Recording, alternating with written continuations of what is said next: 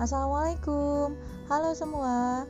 Buat kalian yang suka mendengarkan podcast, kini kita bisa membuat podcast sendiri loh. Caranya mudah kok. Buka Play Store, lalu unduh aplikasi Anchor. Yuk kita buat podcast.